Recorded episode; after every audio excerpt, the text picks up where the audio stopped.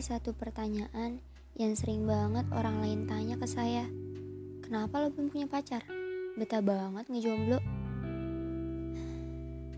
Mau dijelasin dari A sampai Z, kayaknya kamu gak akan paham. Lagian saya capek lihat cowok yang numpang mondar-mandir, tapi gak ada niat buat berlabuh. Saya dulu pernah kok pacaran. Awalnya manis banget. Sampai akhirnya dia berubah jadi cuek.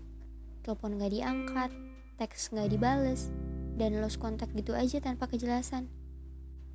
Saya pikir, dulu saya ngelakuin kesalahan besar banget sampai dia marah. Eh taunya dia milih orang lain dibanding saya.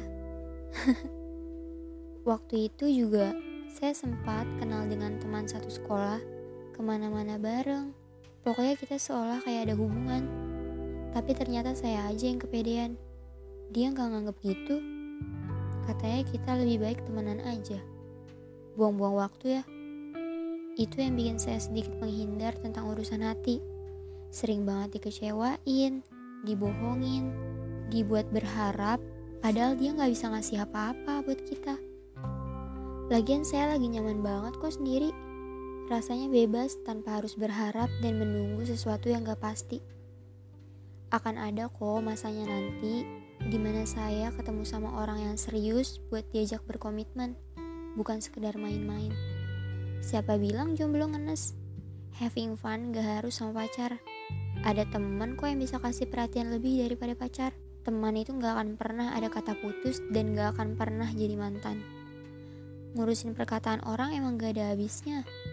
Sekarang saya jomblo, disuruh punya pacar. Giliran udah punya pacar, ditanya, kapan seriusnya? Pacaran lama-lama gak baik loh. Itu kata si mulut kompor. Seolah-olah mereka peduli dengan hidup saya. Padahal enggak. Cuma seneng aja dia komentarin hidup orang. Pengen banget saya giniin. Mulutmu itu bisa gak sih diem aja?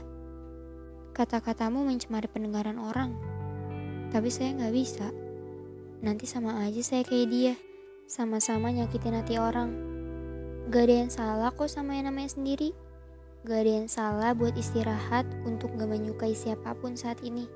Pernah gak dengar istilah sambil menyelam minum air? Iya, saya lagi rehat sejenak, sekaligus mencari tempat berlabuhnya hati, biar gak capek pindah hati terus.